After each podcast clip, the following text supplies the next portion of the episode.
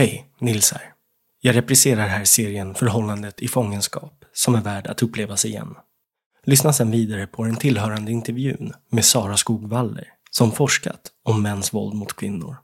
Samtalet med henne är en del av det nya formatet Rättegångspodden möter, där fler forskare, experter och sakkunniga inom rättsväsendet intervjuas. Rättegångspodden möter släpps veckovis för Acast Plus-prenumeranter.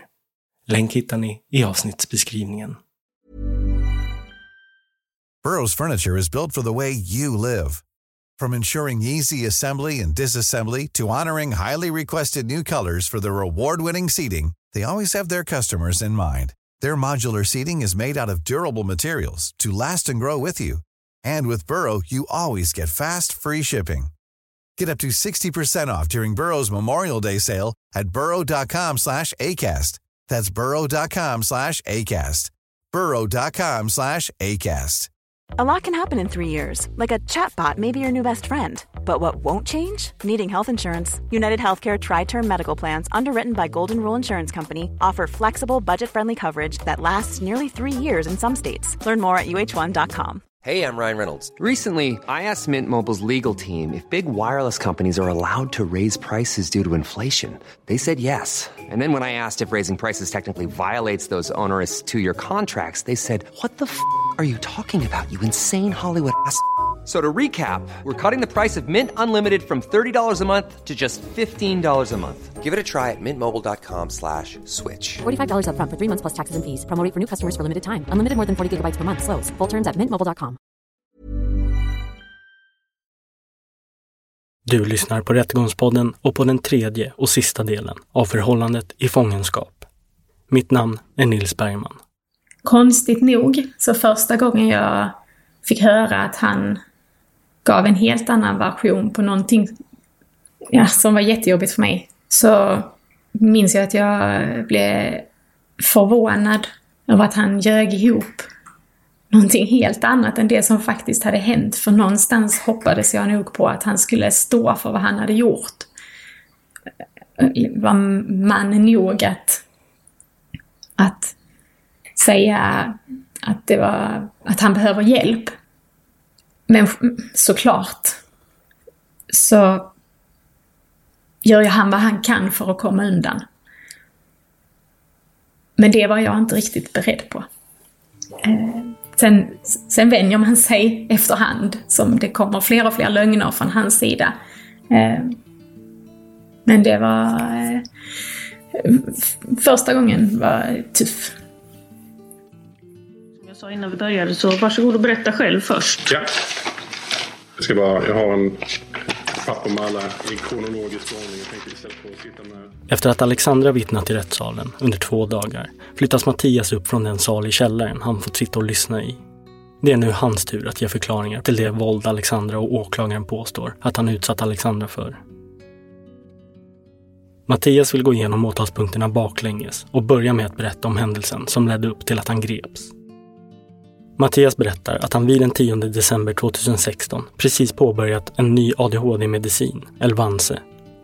Det här är inget han skyller på, menar han, men är en förklaring till hans bristande förmåga att behärska situationen som uppstod. Eh, men jag försöker inte det att jag vill lägga skuld, ta bort min egen skuld för vad det som hände den lördagen och lägga den på min medicin utan jag tar fullt ansvar för det jag gjorde den dagen. Och det ligger till som så att Mattias erkänner till att han har utövat våld mot Alexandra på det sätt som beskrivs, just vid det här sista tillfället. Men han kommer neka till i stort sett allt annat han åtalas för. Mattias menar att den här kvällen började trevligt, som vilken kväll som helst. Fram till det att Alexandra tar upp hans tidigare förhållande med en tjej som hon på omvägar hört ska ha blivit illa behandlad av honom.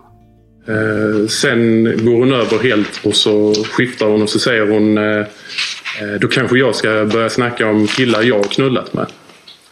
Då säger jag till Alexandra, sluta nu, vi har haft en bra kväll, dra inte igång något, bla bla bla. Eh, sen säger hon det en gång till, eh, något i stil med att, att hon ska säga något om någon kille och då vänder jag mig mot, mot henne och så tar jag tag i henne runt armarna. Och jag kan säga det, jag tog säkert tag rätt hårt kring hennes armar.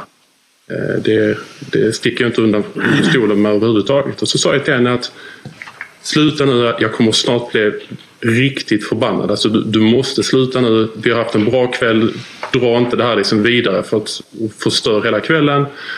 Och sen eh, så liksom släpper jag henne, så fortsätter jag kolla på TVn och då, eh, då sitter hon liksom fortfarande vänd mot mig och bara tittar tyst på mig i, i några sekunder till och sen reser hon sig upp eh, och så Samtidigt som hon reser sig upp så går hon runt bordet, eller går halvspringer, jag vill inte säga att hon halvspringer, men någonstans där mitt emellan.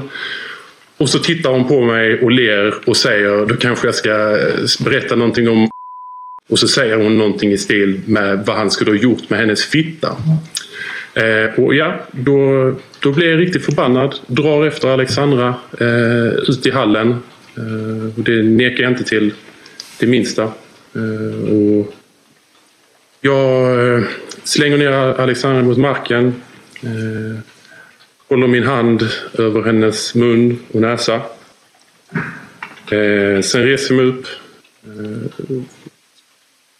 Sparkar till henne tre, fyra gånger på benet, rumpan.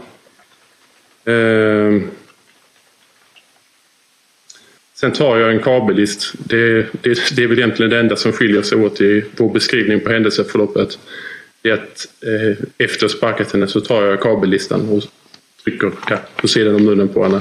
så att säga.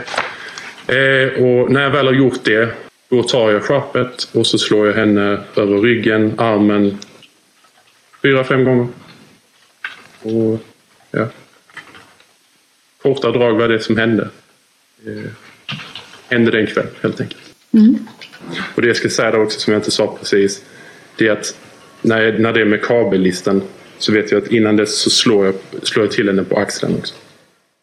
Det där var Mattias berättelse i korta drag. Han förnekar uppgifterna från Alexandra om att han innan misshandeln påbörjades gick och stängde balkongdörren. Han har ett specifikt minne att den just då var stängd. Åklagaren Linda Jeppsson Linderström anser att våldet han utövade vid det här tillfället är allvarligt och vill att han utvecklar sig mer. Och den här kabellistan då? Mm. Vad var tanken med den? Det fanns egentligen ingen tanke. Utan det, den, den låg precis vid hyllorna och som sagt, som jag sa innan, jag var väldigt, väldigt förbannad den stunden. Jag hade ingen speciell tanke med det överhuvudtaget. Jag, jag bara gjorde det.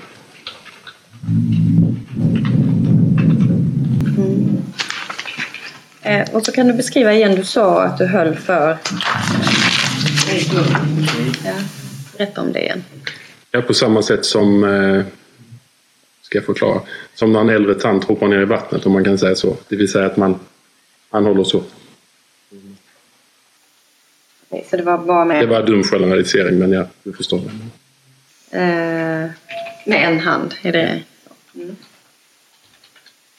Hur reagerar Alexandra på det då? Ja, hon reagerade. Alltså, inte på något sätt egentligen. Det var inte det här att hon började sprattla med armarna och så. Det, det var under en väldigt alltså, kort tid jag höll min hand över hennes näsa. Så. Varför gjorde du det? Ja, det var inte där att hon... Att jag varken ville strypa henne eller att jag ville få tyst på henne. Utan precis samma sak som med kabellisten. Jag hamnade bara i, en, i ett läge där jag blev så väldigt arg så det, det var någonting jag gjorde utan närmare eftertanke eller avsikt egentligen. Mm. Och sen så är skärpet det slutliga. Mm. Vilken ände av skärpet höll du i? I spännet. Hur låg Alexandra då när du låg det mot henne? När, vad man ska säga, ryggen, ryggen rumpan mot mig. På sin sida så att säga. Mm. Som att hon ligger på sin huvud. Mm. Sa du någonting till henne när du slog henne med skärpet? Nej. Sa hon eller reagerade hon på något sätt? Hon sa ingenting och hon skrek ingenting men ja. Och jag såg inte hennes ansikte men det är klart, det är klart liksom att hon har reagerat. Absolut, jag samma sak där som med, med sparken. Jag slog inte allt vad jag kunde och jag slog inte löst heller men jag har ju garanterat gett henne smärta. Det, det säger ju ingenting. Vad var det som gjorde att du upphörde? Eh, ja, vad ska jag säga? Det, när jag, när jag väl har hållit henne över munnen, om, man, om vi liksom backar steget där, så då liksom reser jag mig upp och liksom bara och så sparkar jag till henne. Sen eh, är det bara liksom går du vidare till listan och sen bara slår till henne med sharpet och sen mitt i allt så känner jag bara vad fan hände liksom? Och då vet jag att jag slänger bara iväg sharpet och sen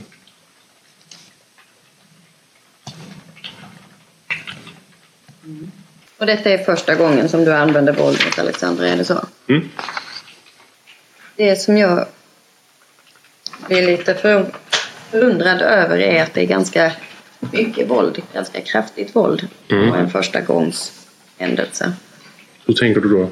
Att eh, om man aldrig har slagits förut, man då går från ingenting till knytnävsslag på axeln, hålla över näsa och mun och fyra gånger med ett Nej, skäll. men jag, jag förstår vad du menar. Eh, personligen så tror jag inte det direkt finns någon mall hur saker och ting kan utvecklas generellt. Men sen som sagt, som jag sa tidigare, att eh, jag var i ett läge på grund av medicinen. Att när min medicin hade gått ut, den här medicinen hade gått ut på eftermiddagen så, så kände jag liksom, då hade jag en, en fruktansvärd ilska hela tiden. Och dessutom den medicinen jag hade haft sedan tidigare. Eh, den, skulle, den skulle justeras i tid dessutom. Eh, när jag hade insättning av den andra. Och det hade gjort att jag hade glömt att ta den här medicinen den här kvällen. Mattias betonar återigen att han inte skyller sitt agerande på medicinen. Han tar ansvar för det han har gjort och bestrider inte åtalspunkten. Alexandras målsägande beträde, Susanne Ljungqvist, har också frågor till Mattias om den här händelsen. Ja. Du, eh, då när, när du tar taget om armarna på Alexandra Mm. så säger du ju till henne sluta nu, jag kommer snart att bli riktigt förbannad. Mm. Vad händer när du blir riktigt förbannad? Ja, det är ju jättesvårt att säga alltså generellt sett vad som händer när jag Men blir just i den stunden, vad är det som liksom kan hända? Vad är det Alexandra ka- ska vara rädd för ska hända där? Nu säger jag ju inte det för att Alexandra i sin tur ska bli rädd. När jag säger att jag håller på att bli, förbannad så då, då är det helt enkelt att jag håller på att bli förbannad. Alltså det, jag vet inte om man kan vidareutveckla det ytterligare. Så det är alltså. Uppenbarligen så blev ju precis så som händelseförloppet såg ut. Varför slår du? Just i den stunden så... Då hade det liksom... Jag hade sagt till henne så många gånger och vi hade bråkat och jag kom till en punkt där jag, där jag verkligen med fullaste allvar kände att nej, nu...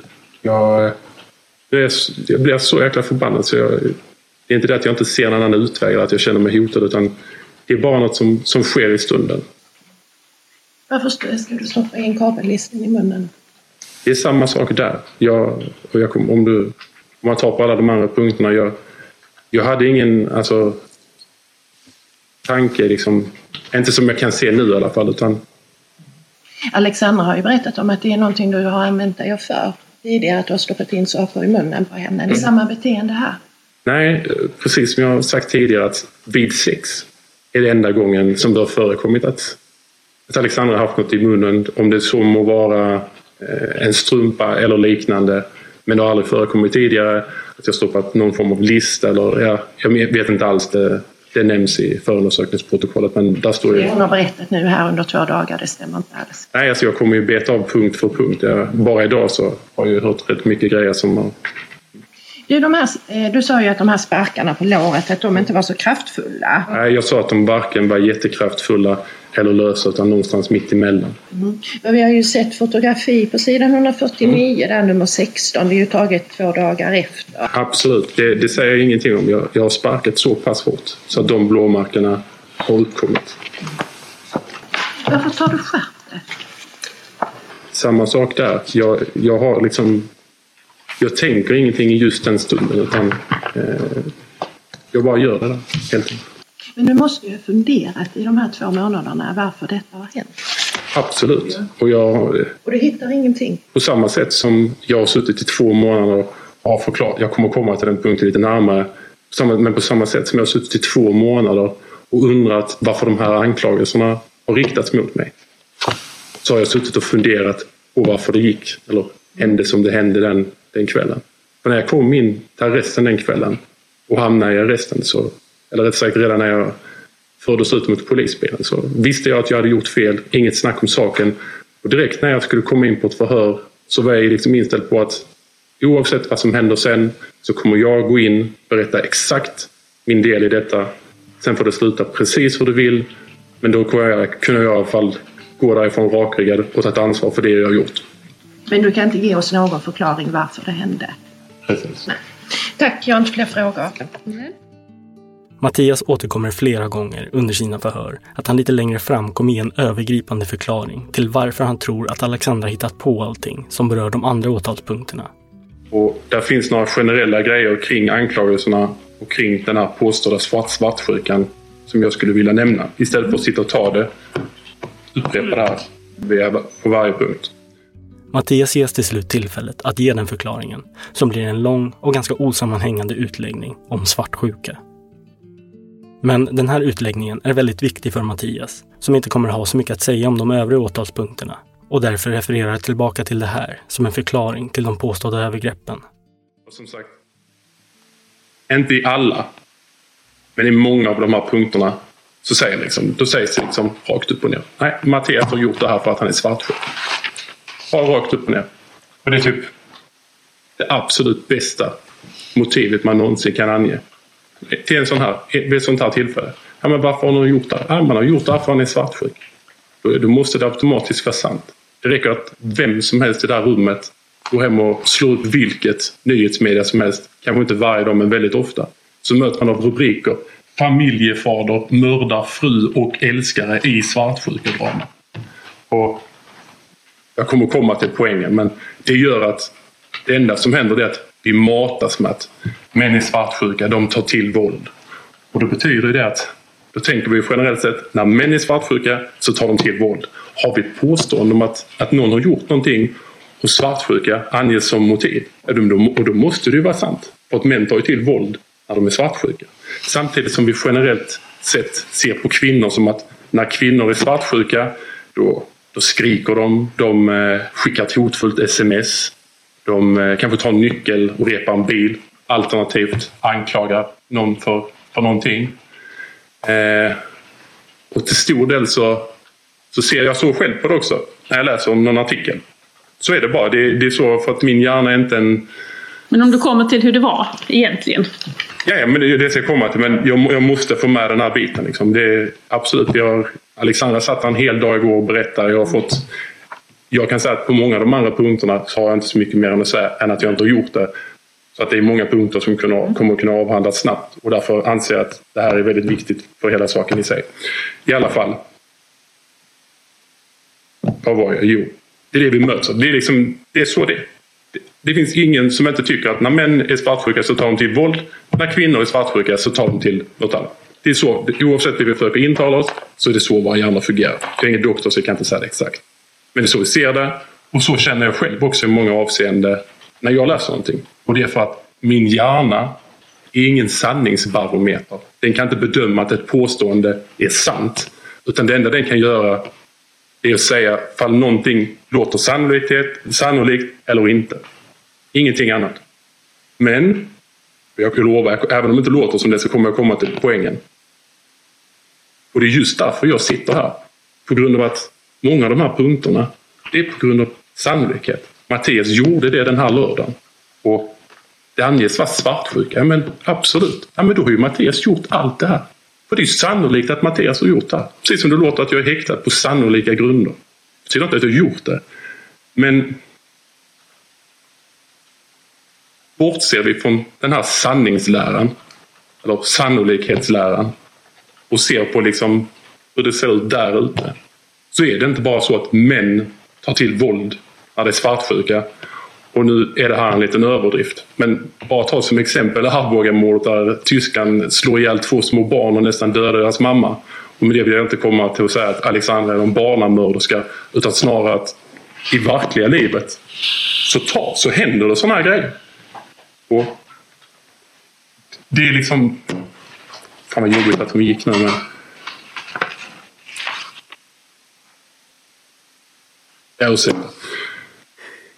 Det är Mattias mamma som reser sig upp och väljer att lämna rättssalen mitt under Mattias utläggning. Han blir märkbart berörd, men får sedan fortsätta sitt resonemang om att Alexandra av ren svartsjuka hittat på saker för att hämnas mot Mattias. Och här sitter jag, helt jävla sjukt, efter två månader. Baserat på, ursäkta språk, på fucking sannolikheter. Det finns för fan knappt mer substans än Alexandras ord och något som har skrivit på ett anteckningsblock. På de flesta som, grejerna som nämns här. Och det ska räcka till att jag ska sitta där uppe i två månader. Det jag har gjort, det erkände jag den kvällen jag blev gripen. Och ett sånt erkännande hade, rätt, hade lett till att jag, ja, hade kanske fått komma hem efter max två veckor. Men på grund av allt det här som inte jag har gjort eller händelser som har hänt men som har blivit fullständigt förvrängda och felvinklade så har jag suttit där uppe i två månader. Jag har fått en helsida i HD. Det finns en tråd, nu vet jag inte alla här, ni vet Jag vet inte om vi kan släppa detta här nu för ja. nu är vi där vi sitter här och nu. Ja. Det, det är mer bara att säga att de här sannolikheterna har gjort, alltså har fått rätt extrema konsekvenser. Inte bara i det här utan i allting runt omkring också. Förstått synpunkten. Mm. Alexandra har hittat på, kanske medvetet, kanske omedvetet. Det, vet, det kan man inte svara på. Jag kan bara säga som så här. Förvrängt situationer som har funnits. Det finns, det finns flera situationer här. Absolut. Det har till förekommit bråk. Jag kommer att ta, nu kommer jag absolut inte hinna, mm. men det kommer jag ta på fredag eller Punkt ja, men Jag tänker att vi behöver gå igenom det här punkt för punkt och det är väl det det är dags att börja göra nu och nu är klockan en bit över 20 över 4 så det är kanske bättre att Rätten hinner inte avhandla några fler åtalspunkter under denna första dag, men återupptar förhören dagen efter. Och till de resterande åtalspunkterna hänvisar Mattias ofta till den här utläggningen om svartsjuka och sannolikheter. Åtalspunkt 11 handlar om när han och Alexandra var ute och körde bil och Alexandra råkar komma åt hans glasögon. Mattias anklagas för att ha hotat henne till livet och slagit ner henne i marken med en pinne, vilket han förnekar. Det som Alexandra påstår där, det har aldrig någonsin hänt. Men jag vet mycket väl var det här området är någonstans. Jag vet inte om det är värt att någon vill ta upp kartan och titta, men i alla fall. Han menar kort och gott att Alexandra ljuger. Åtalspunkt 10, som handlar om att han ska ha tryckt en kniv mot Alexandras tår och hals, tycker han är befängd eftersom Mattias i själva verket är livrädd för knivar. För att om Alexandra var hemma så glömde om vi skulle göra tacos eller vad det än är så var det Alexandra som fick hacka, hacka tacos, eller hacka gurka och grejer. Om jag nödvändigtvis behövde använda en kniv överhuvudtaget någon gång så tog jag det i så fall en tandad kniv och då satt jag i princip så här sakta och skav. Punkt 9 handlar om då han låste in Alexandra i ett rum för att sedan väcka henne genom att trycka in en kolsyrepistol i hennes mun och sedan låst in henne i tre timmar till. Ja, jag vet inte riktigt vad jag ska säga här generellt sett att det är rätt sinnessjukt att man kan ta två komponenter. Min pojkvän har låst in mig i ett rum. Sen har han kommit in och hotat mig med en kolsyrepistol. Att man kan ta det och skriva ner på ett block och sen ska jag sitta här och försvara mig mot någonting som inte har hänt överhuvudtaget. När det själva verket är jag som har låst in mig med ett bråk. Att jag inte har pallat höra hennes gnäll. Jag har också tagit min data, gått in i sovrummet, låst dörren. I princip alltid så har hon kommit och bankat på dörren Öppna dörren, jag har inte pratat klart med dig. Öppnar inte dörren ska jag ringa din mamma och säga bla bla bla bla bla. Punkt 8 handlar om tillfället vid Linda Barena när Mattias påstås ha klätt av Alexandra kläderna och sedan kastat ut henne ur bilen. Under polisförhör uppgav han att han inte hade något minne alls av att de någonsin stannat till vid arenan. Vilket han senare ändrar, då det här tillfället faktiskt backas upp av vittnesuppgifter. Märkliga som uppstår är att det finns ett vittne som har sett er på den här platsen. Ja, precis. Mm. Vi har ju varit på den här platsen den här kvällen. Ja, men det har du ju inte sagt innan du kände till vittnet. Det är det som är med. Nej, nej. När jag läste förundersökningsprotokollet såg att det rörde sig om Linda Barena. Mattias menar att det hela rörde sig om missuppfattningar under polisförhören. Punkt 7 handlar om Alexandras födelsedag då Mattias ska ha blivit vansinnig över att Alexandra inte ville blanda in ytterligare en tjej i en trekant. Det här har inte hänt, menar Mattias. Men till den här händelsen finns det en Messenger-konversation där Mattias medger att han har slagit henne. Men det här har Mattias en helt annan syn kring. Enligt honom är det Alexandra som startat ett bråk och slagit honom, varpå han har slagit tillbaka. Det var det rätt ofta jag tog på mig skulden för ett bråk, bara för att ofta så slutade inte ett bråk förrän jag tog på mig skulden. För Alexandra kunde ofta inte se sin egen del i ett bråk. Ibland så kunde hon förminska delen och ibland så kunde de ta bort sin del helt. Så dagen efter, precis som jag skriver i chatten dagen efter och som man ser i chatten dagen efter, så tar jag, jag tar på mig, trots att det är Alexandra som börjar hålla på att väcka mig, slår till mig först, så tar jag på mig skulden för det bråket den kvällen, trots det. Och jag, jag säger, säger, rakt upp och ner att jag är ledsen för att jag, jag slår till det. Det, det var jag, absolut. Och det, jag såg inga konstigheter med att jag tog på mig skulden där. Så i Mattias förklaring till varför det i Messenger-konversationen står att han har slagit Alexandra framkommer det att han har använt våld mot henne, vilket åklagaren inte tycker stämmer överens med det Mattias sa inledningsvis när han förhördes i tingsrätten under sin första dag. Um, innan när du berättade om den 10 december Mm. så sa ju du att det var enda gången du hade slagit Alexandra. Första och enda gången. Nej, jag sa vad då? Du menar under mitt inledande förhör? Nej, jag är, i så fall kanske på det stället. Jag vet om att antingen det är första förhöret eller mitt andra förhör så sitter jag och berättar. Jag vet exakt vilka ord jag använder. Jag berättar att vi har bråkat vid många tillfällen. Orden jag använder där är att vi har skrikit på varandra, vi har putat på varandra, vi, vi har slängt saker efter varandra och vi har till och med vid ett par tillfällen både slagit till varandra och sparkat till varandra. Nej, du sa inte det Mattias. Ja, fast det vet jag att jag har gjort. Vi... Jag, jag, jo, vilket förhör tänker du? Åklagaren menar förhöret Här i, i tisdags. i tisdags. I tisdags Nej, ja, ja, nu, nej, nej. Det du sa, det var att, det du sa, det var att är inte det här lite väl mycket våld och vara en förstagångstillfälle? Exakt de orden använde du till mig där. Och när du, när du syftar på förstagångstillfälle så syftar jag till att det var ett tillfälle där jag var skulden. Alexandra hade inte gjort någonting utöver att just provocera mig. Där var det jag som var skulden. Du menar att det var det första tillfället där bara du slog? Ja, precis. Men det var inte så jag uppfattade dig då? När Nej, men då, då antingen var det jag som uttryckte mig fel eller så var det du som uppfattade mig fel. Ja.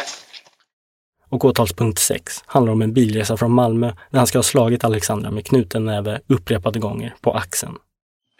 Jag har egentligen bara en sak att säga. Och det är att oavsett var vi någonsin har varit på väg i en bil så har jag aldrig någonsin suttit och slagit Alexandra på armen eller någon annanstans när vi har kört bil. Och jag tycker hela, hela det påståendet är så motsägelsefullt så det finns... Jag förstår inte ens... Alltså, nu ska inte jag göra det mot, mot min advokat men i princip så hade det räckt att jag hade gett honom en sån på näsan. Så att bara på en sån här liten mikrosekund så kunde han bara tappat fokus. Och om vi bara ser det rent egoistiskt från min sida. En bra dag om hon hade tappat fokus i en sån stund. Så kanske hon hade kraschat min bil. Och det är dum nog så jag har en lägre månadskostnad och högre självrisk. Då hade jag fått betala 7 500 i självrisk. Och en lite sämre dag så hade jag själv kunnat skadat mig om jag hade gjort den där, det som påstås där. Så därför förstår jag inte ens. Det är så... Ja, jag har ingenting mer att säga. Jag är så jävla trött och förbannad på den jävla skit. Åtalspunkt 3 berör det som Alexandra anser vara det värsta hon utsatts för. Där Mattias ska ha gnuggat in kiss i hennes ansikte och hår och sprutat ner henne med en brandsläckare. Mattias minns den här dagen. Han förstår vad åtalspunkten åsyftar, men hävdar att det inte alls är så som Alexandra har berättat. Mattias menar att den aktuella dagen hade varit hur bra som helst. Men på kvällen börjar Alexandra få det han kallar för kvällsångest. Det var något i stil med eh, samma sak som den lördagen. Något, något den här personen skulle gjort med hennes fitta. Absolut. Jag säger, säger tvekar inte, jag nekar inte en sekund att jag, jag blir liksom förbannad i den, i den stunden. Mattias menar att Alexandra börjar älta en massa saker och återigen börjar prata om tidigare förhållanden.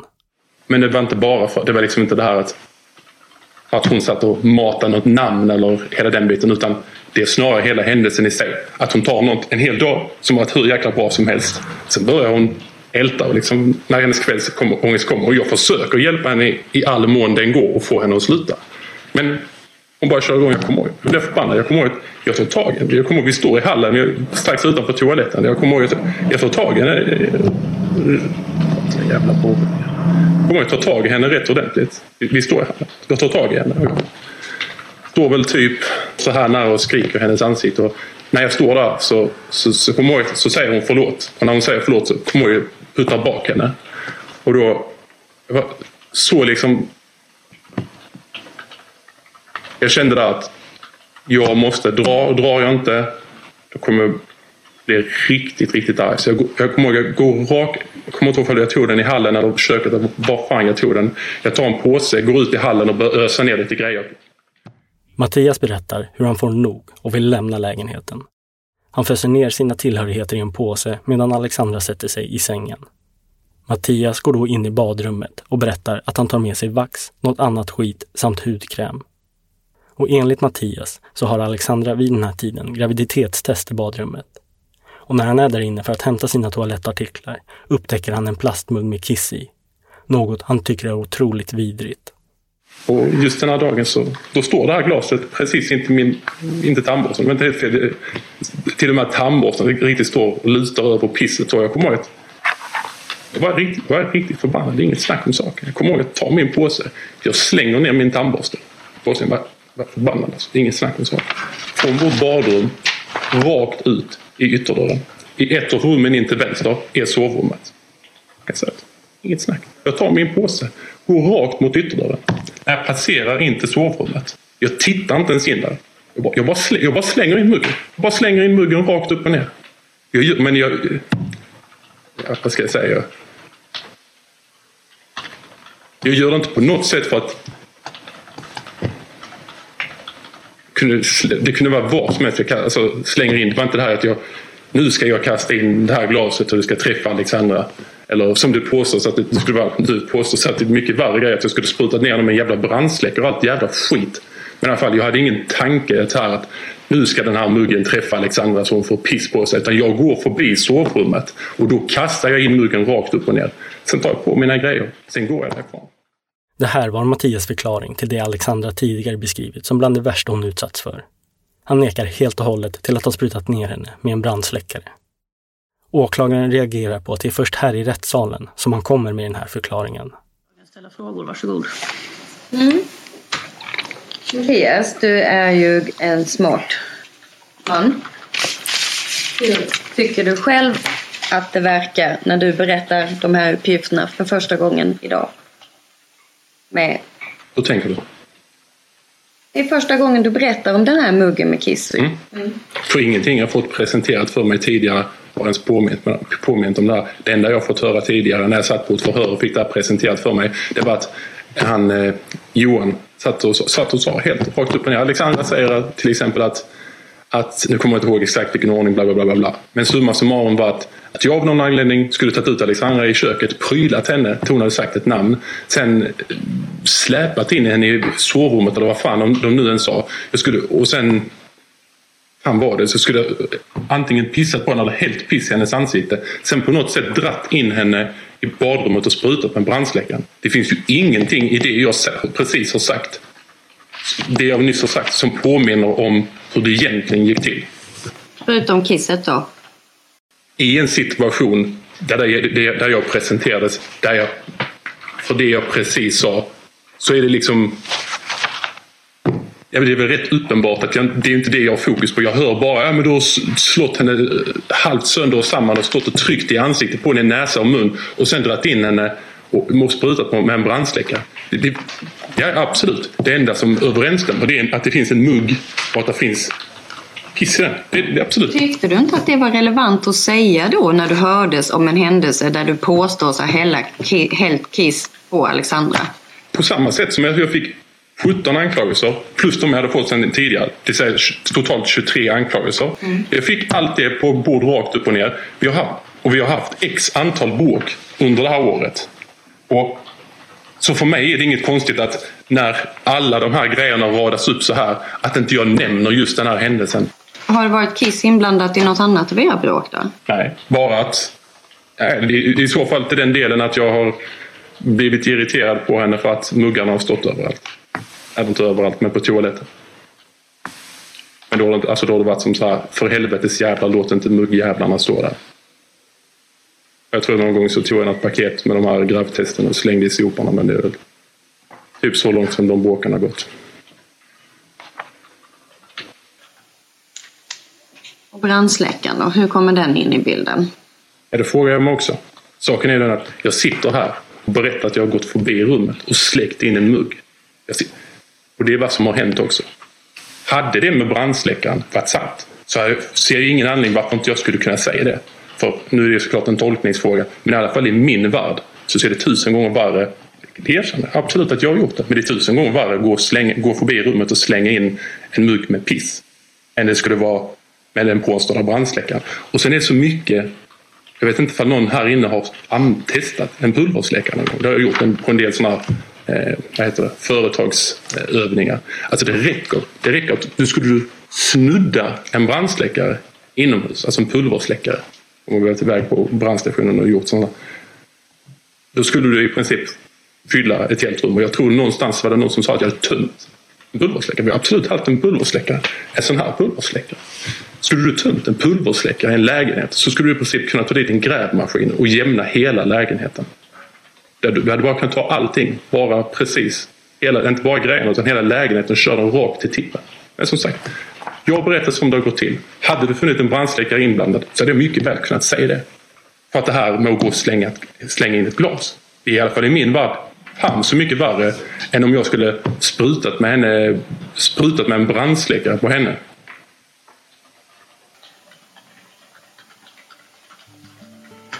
Du sa att ni har haft en brandsläckare. Var är den nu då? Ja. Antagligen har väl Alexandra den i lägenheten, vad vet jag. Det har inte varit min brandsläckare. Var hade ni den någonstans? På eh, hallen eller i förrådet. Det är ju olika ställen.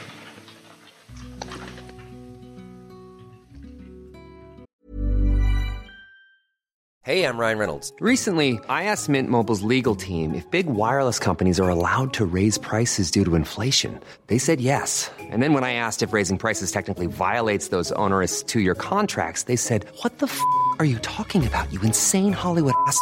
So to recap, we're cutting the price of Mint Unlimited from $30 a month to just $15 a month. Give it a try at mintmobile.com slash switch. $45 upfront for three months plus taxes and fees. Promoting for new customers for limited time. Unlimited more than 40 gigabytes per month. Slows. Full terms at mintmobile.com. Hey, it's Ryan Reynolds, and I'm here with Keith, co star of my upcoming film, If, only in theaters, May 17th. Do you want to tell people the big news? All right, I'll do. Sign up now and you'll get unlimited for $15 a month in six months of Paramount Plus Essential Plan on us. Mintmobile.com slash switch. Upfront payment of $45 equivalent to $15 per month. Unlimited over 40 gigabytes per month. Face lower speeds. Videos at 480p. Active Mint customers by 531.24 get six months of Paramount Plus Essential Plan. Auto renews after six months. Offer ends May 31st, 2024. Separate Paramount Plus registration required. Terms and conditions apply if rated PG. I'm Sandra, and I'm just the professional your small business was looking for. But you didn't hire me because you didn't use LinkedIn jobs. LinkedIn has professionals you can't find anywhere else, including those who aren't actively looking for a new job but might be open to the perfect role, like me. In a given month, over 70% of LinkedIn users don't visit other leading job sites. So if you're not looking on LinkedIn, you'll miss out on great candidates like Sandra. Start hiring professionals like a professional. Post your free job on linkedin.com/people today. Åklagaren vill även veta hur Mattias förklarar den Messenger-konversation de hade efteråt. Där Mattias bland annat skriver “Eftersom du inte sa förlåt var jag tvungen att gå längre”.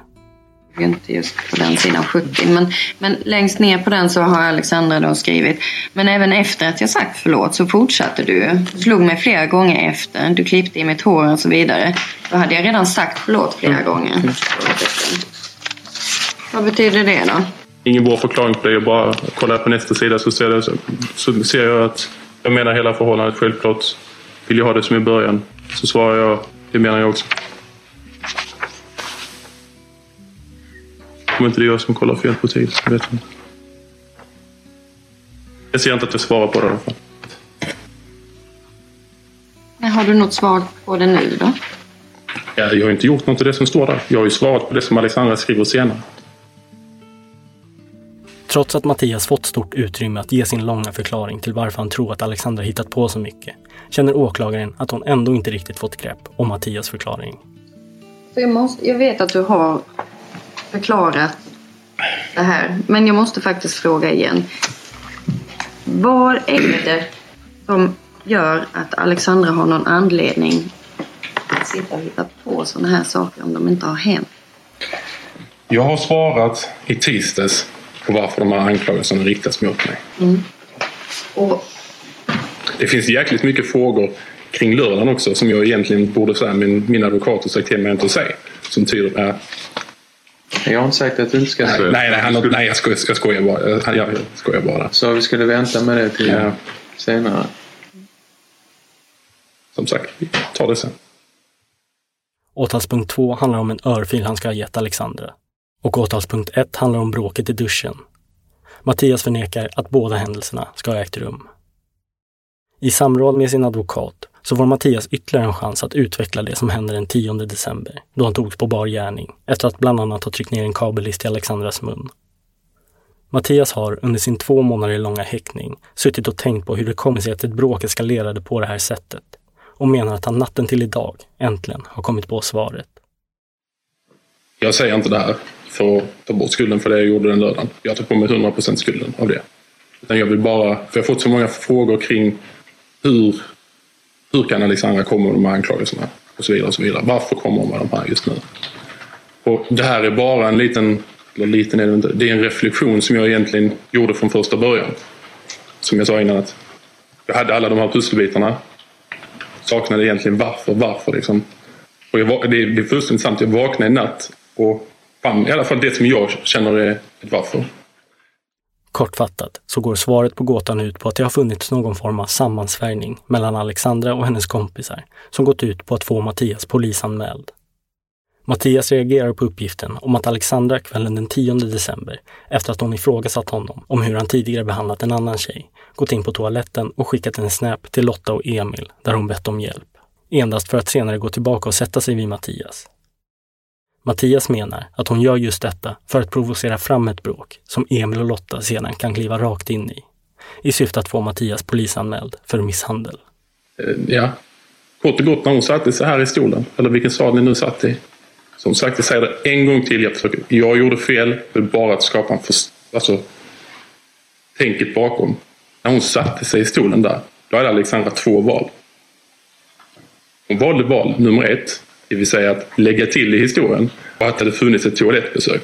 Där har hon smsat Emil och Lotta och sagt att nu tror jag att bråk är på gång. Sen går hon tillbaks till vardagsrummet. Om hon nu var rädd att det skulle utbryta ett bråk skulle hon verkligen gå tillbaks till vardagsrummet och fortsätta prata om och sen börja snacka om andra killar. Om hon var så jävla... Om hon på, på toaletten skickar ett meddelande till Emil och Lotta att de är, hon är så jävla rädd för att det ska bli ett bråk. Det är alternativ nummer ett. Det var det hon valde. Jag tycker genomkorkat bara där. Alternativ två. Det hade varit att hon hade fått sätta sig där i stolen och krypa till korset. Och berätta att hon hade legat i mitt knä, precis som jag sagt från första början. Gått in på toaletten.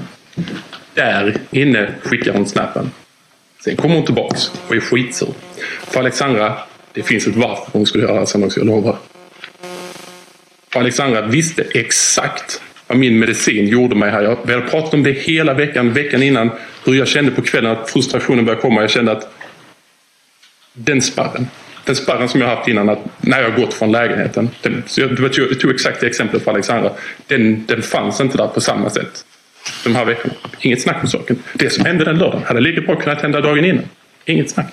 För att det var som med, med, med medicinen. Och det jag ska komma till där är att det visste Alexandra hur jag reagerade här. För att det var, hade haft lite bråk där jag hade liksom brusat upp men det hade inte hänt någonting.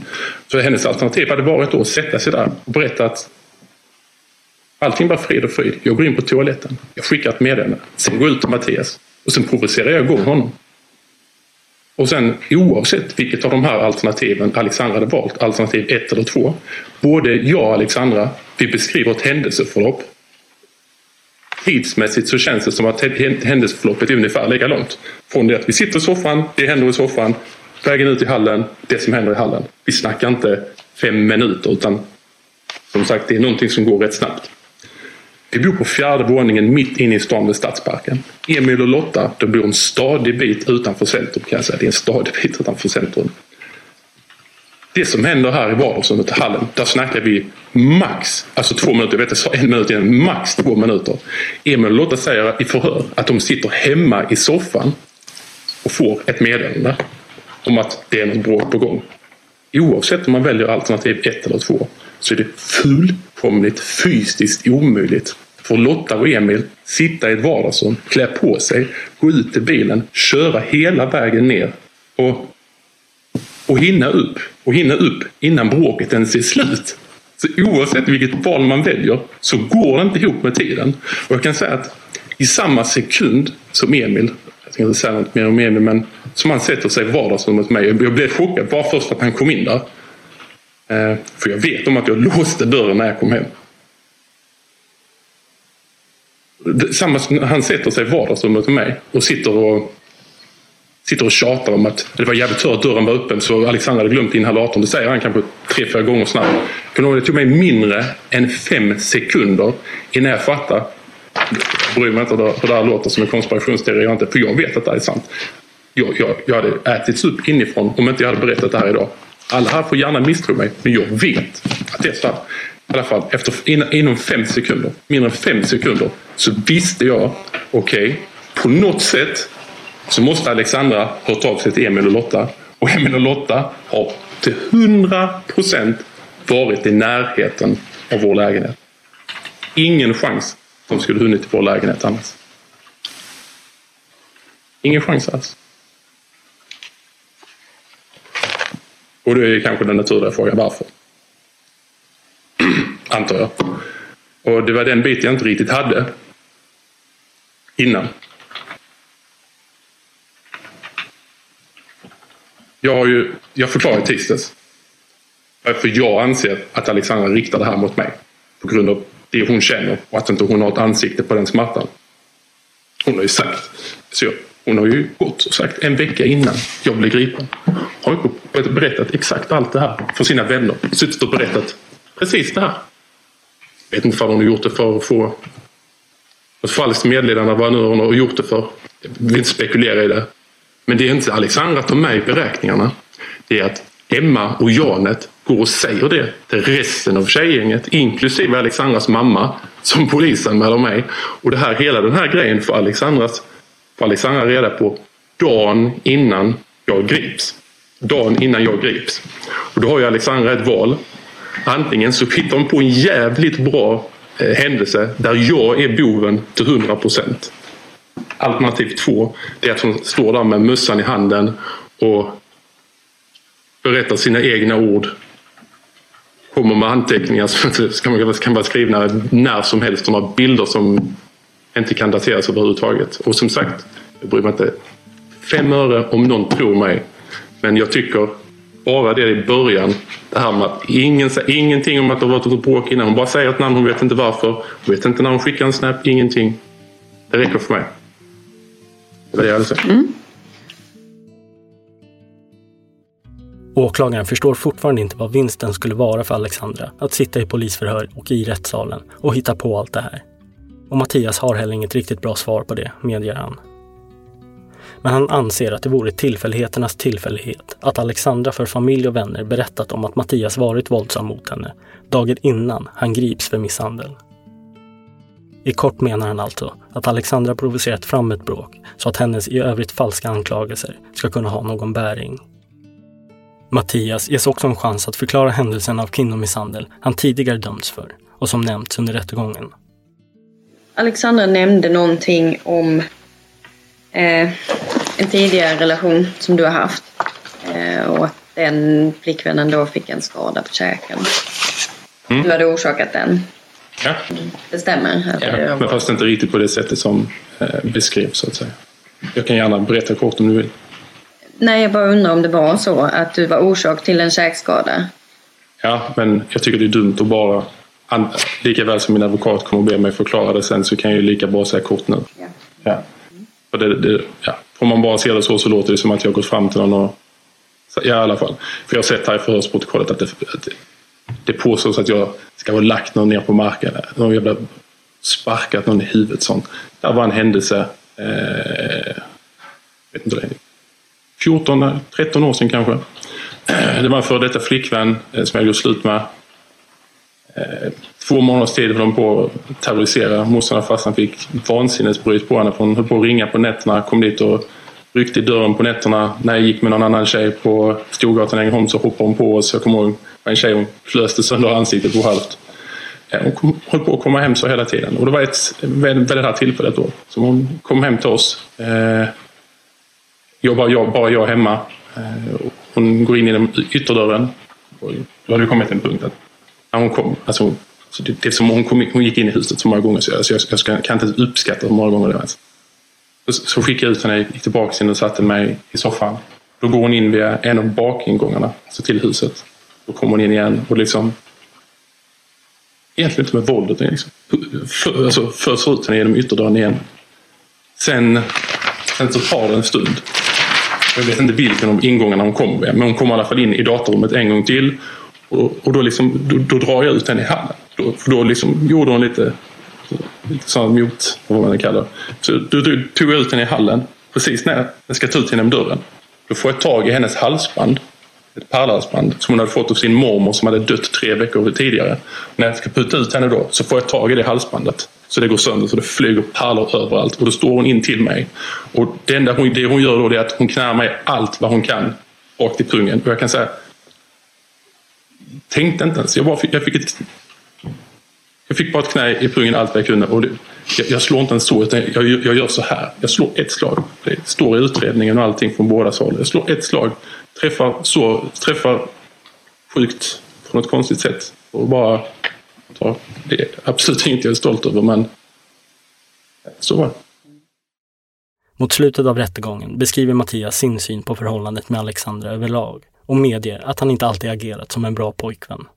Och i vissa saker, till exempel att Alexandra hade jättestort behov av att bli sedd. Och när jag hade fokus på någonting så hade jag, jag, jag förlåt att jag säger det, men jag sög fan kuk på att visa henne uppmärksamhet i många lägen. Förlåt att jag använder det ordet, men det kan jag säga att jag gjorde det. Fullaste allvar och sen samtidigt så... Jag, jag, vet, jag vet inte, förlåt att jag använder det ordet, men... Sen, sen var det liksom det var många fina stunder. Även om vi kunde bråka en, en hel del. Men det var inte bråk varje dag eller hela tiden. Efter flera av åtalspunkterna har Mattias fått frågan om varför han valt att stanna kvar och inte lämnat Alexandra efter alla deras bråk, som han själv medgett varit jobbiga. Han har ändå trott på förhållandet, säger han. Men nu, efter den händelse som han greps för och som han anser är den första gången han slagit Alexandra, tänker han annorlunda. Vill du fortsätta relationen med Alexandra efter att det här är avslutat? Nej, det vill jag inte. Att eh, den avslutar du nu då? Nej, den var ju avslutad den dagen. Alltså jag har avslutat inte en relation, alltså den avslutades ju mm. den, den kvällen, den här händelsen. händelsen. Mm. Så att du kommer inte alls vilja fortsätta med henne, även om du har pratat här om att du har fortsatt trots allt som hände under hela tiden innan? det, trots, det jag sa att trots allt, allt som har hänt så tycker jag ändå Alexandra är en jäkligt bra, en fin, alltså en fin människa och att hon har varit den. Det säger jag ärligt talat. Att hon som har förstått mig alltså bäst. Helt öppen med. Men det finns ingenting i världen som skulle få mig att vilja ha en, en fortsatt eller inleda någon det vet jag att inte hon hade velat heller, men ha någon form av relation med Alexandra överhuvudtaget. Det vet jag att det, vill hon garanterat inte heller. Jag vill det definitivt. Tack, jag har inte fler mm. Det stämmer att Alexandra inte heller vill fortsätta förhållandet med Mattias efter detta. Hon däremot försökte lämna förhållandet flera gånger, men Mattias tillät henne inte det. När rättegången avslutas får Alexandra reda på att Mattias ska bli fortsatt häktad vilket hon får förklarat för sig av sitt målsägande beträde, är en god indikation på att han kommer att dömas för åtminstone någon eller några av de 15 punkter han står åtalad för. Och eh, bara det var ju en lättnad. Men eh, sen eh,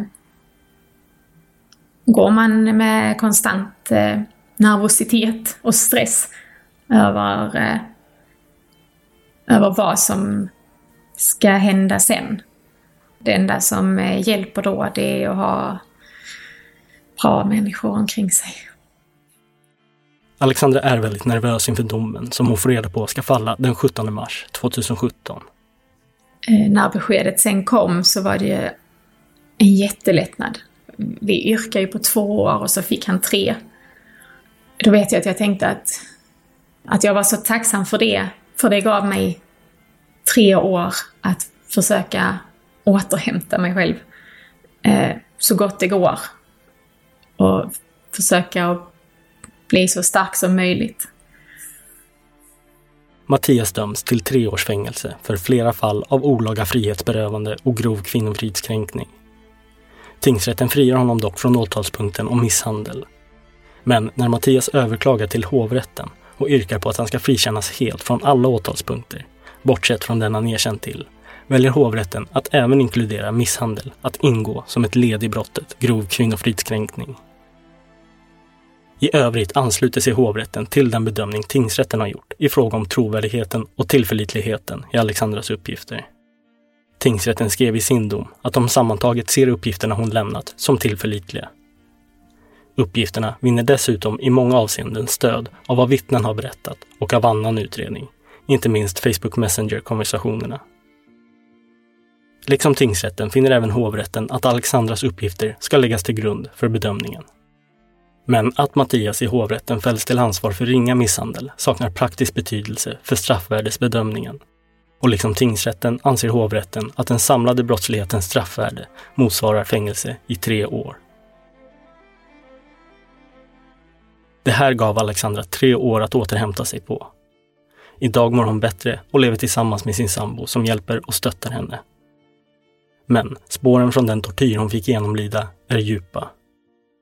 Det, istället för att må konstant dåligt så, så eh, har du liksom ja, stunder av det. Eh, och sen är det klart att det påverkar ju min relation eh, idag med att man är mer eh, orolig eller eh, ifrågasätta, eh, kallas att göra försäkringar, förstår jag det som. Att man, man ställer frågan att eh, du, du, du, du kommer inte slå mig nu väl, eller du ska inte bränna min hand, eller... Jag vet ju att eh, min sambo aldrig skulle, men jag måste säga det högt för att försäkra mig om det. Och det är nog... Ja. Sen är det när folk kommer fram och frågar eller vill prata eller när hans mamma eh, haffat henne i affären eller så som, ja, blir det tufft. Efter att jag har lyssnat igenom allt och, och läst vad du har gått igenom så får jag intrycket av att du flera gånger svävade i livsfara. Hur, vad är din bedömning kring det? Kan du beskriva hur, hur nära du var att inte kunna sitta här idag och, och berätta? Mm. Jag är helt säker på att det var nog inte om, utan en, bara en tidsfråga. Eh, dels för att eh, våldet eh, blev eh, värre och värre. Och det kom tätare och tätare. Han, eh, eh, vad ska man säga, experimenterade mer. Man ska kalla att han eh, använde fantasin Eh, på vad han skulle göra eh, under de här eh, tillfällena. Och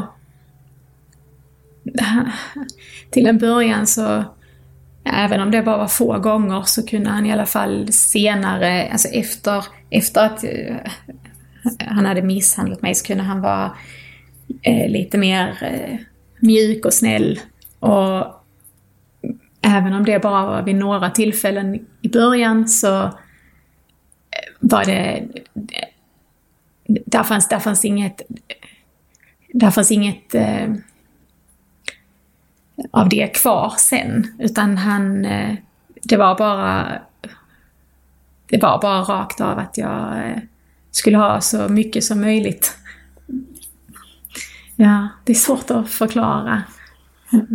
Mm alltså jag är övertygad om att eh, den sista gången hade blivit den värsta. Och jag vet inte om det är den gången det hade blivit att jag inte hade överlevt. Eller om det hade blivit gången därefter. Eller att, det hade klarat, att jag hade överlevt någon månad till. Det är så svårt att förutspå. Men jag är säker på att det var en tidsfråga.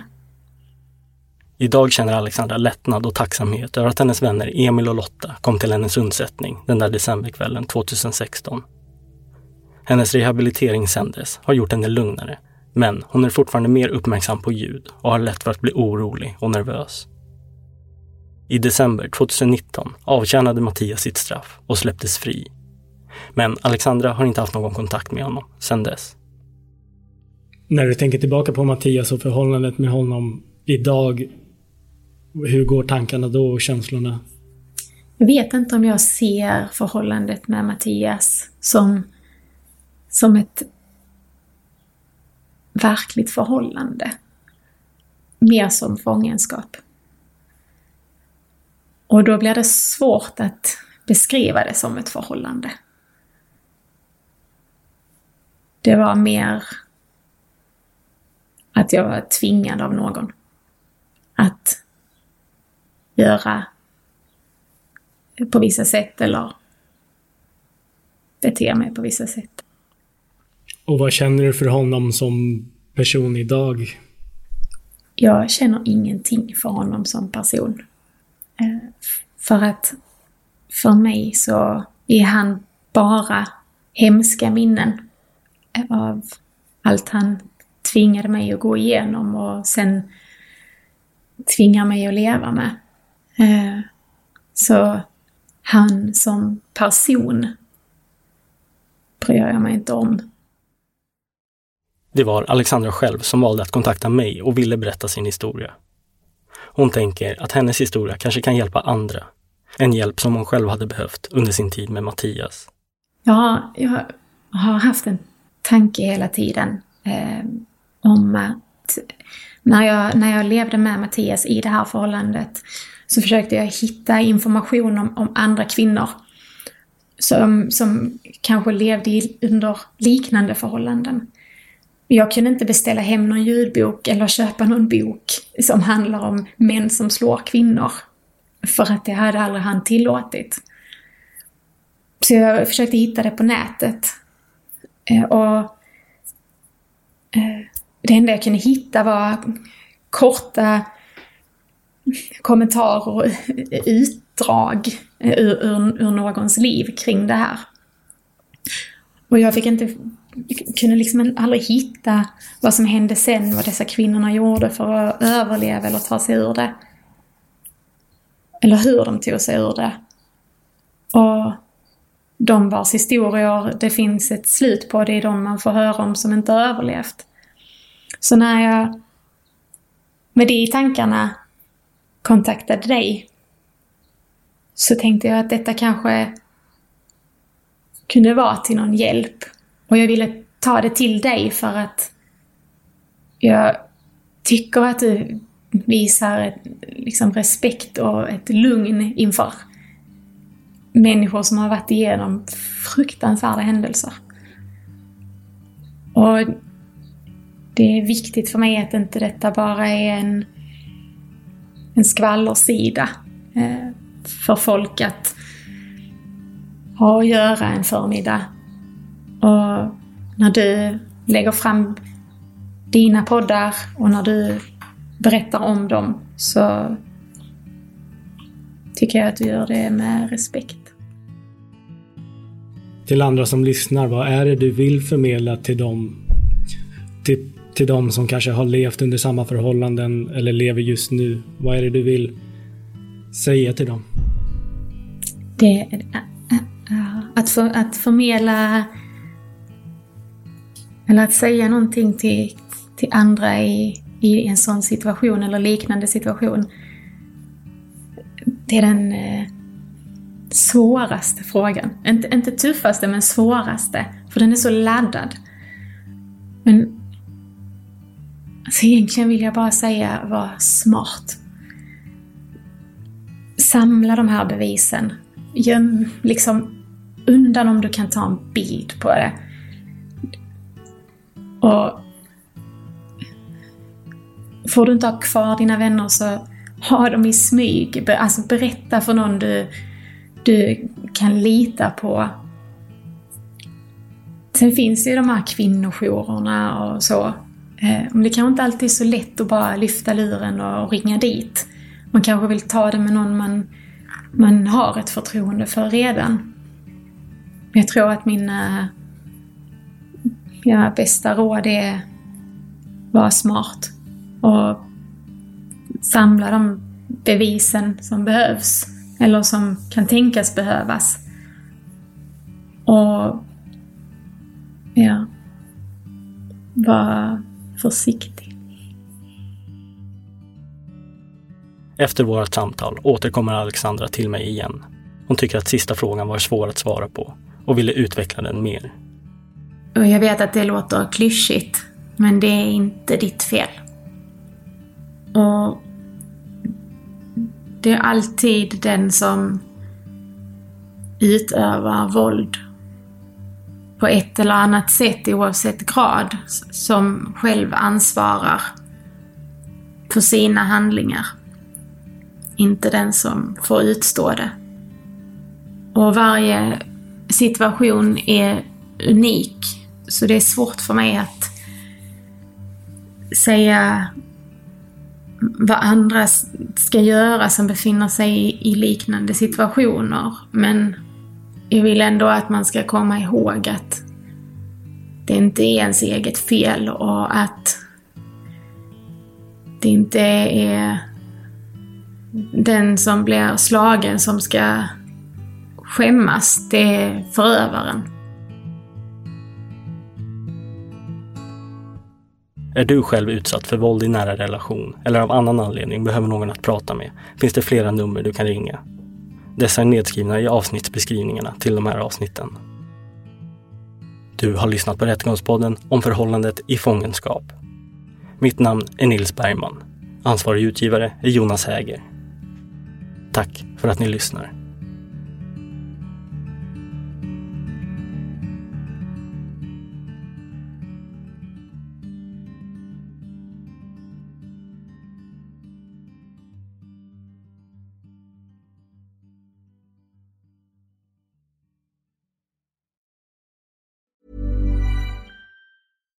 When we're on a budget, we still deserve nice things. Quince is a place to scoop up stunning high-end goods for 50 to 80% less than similar brands.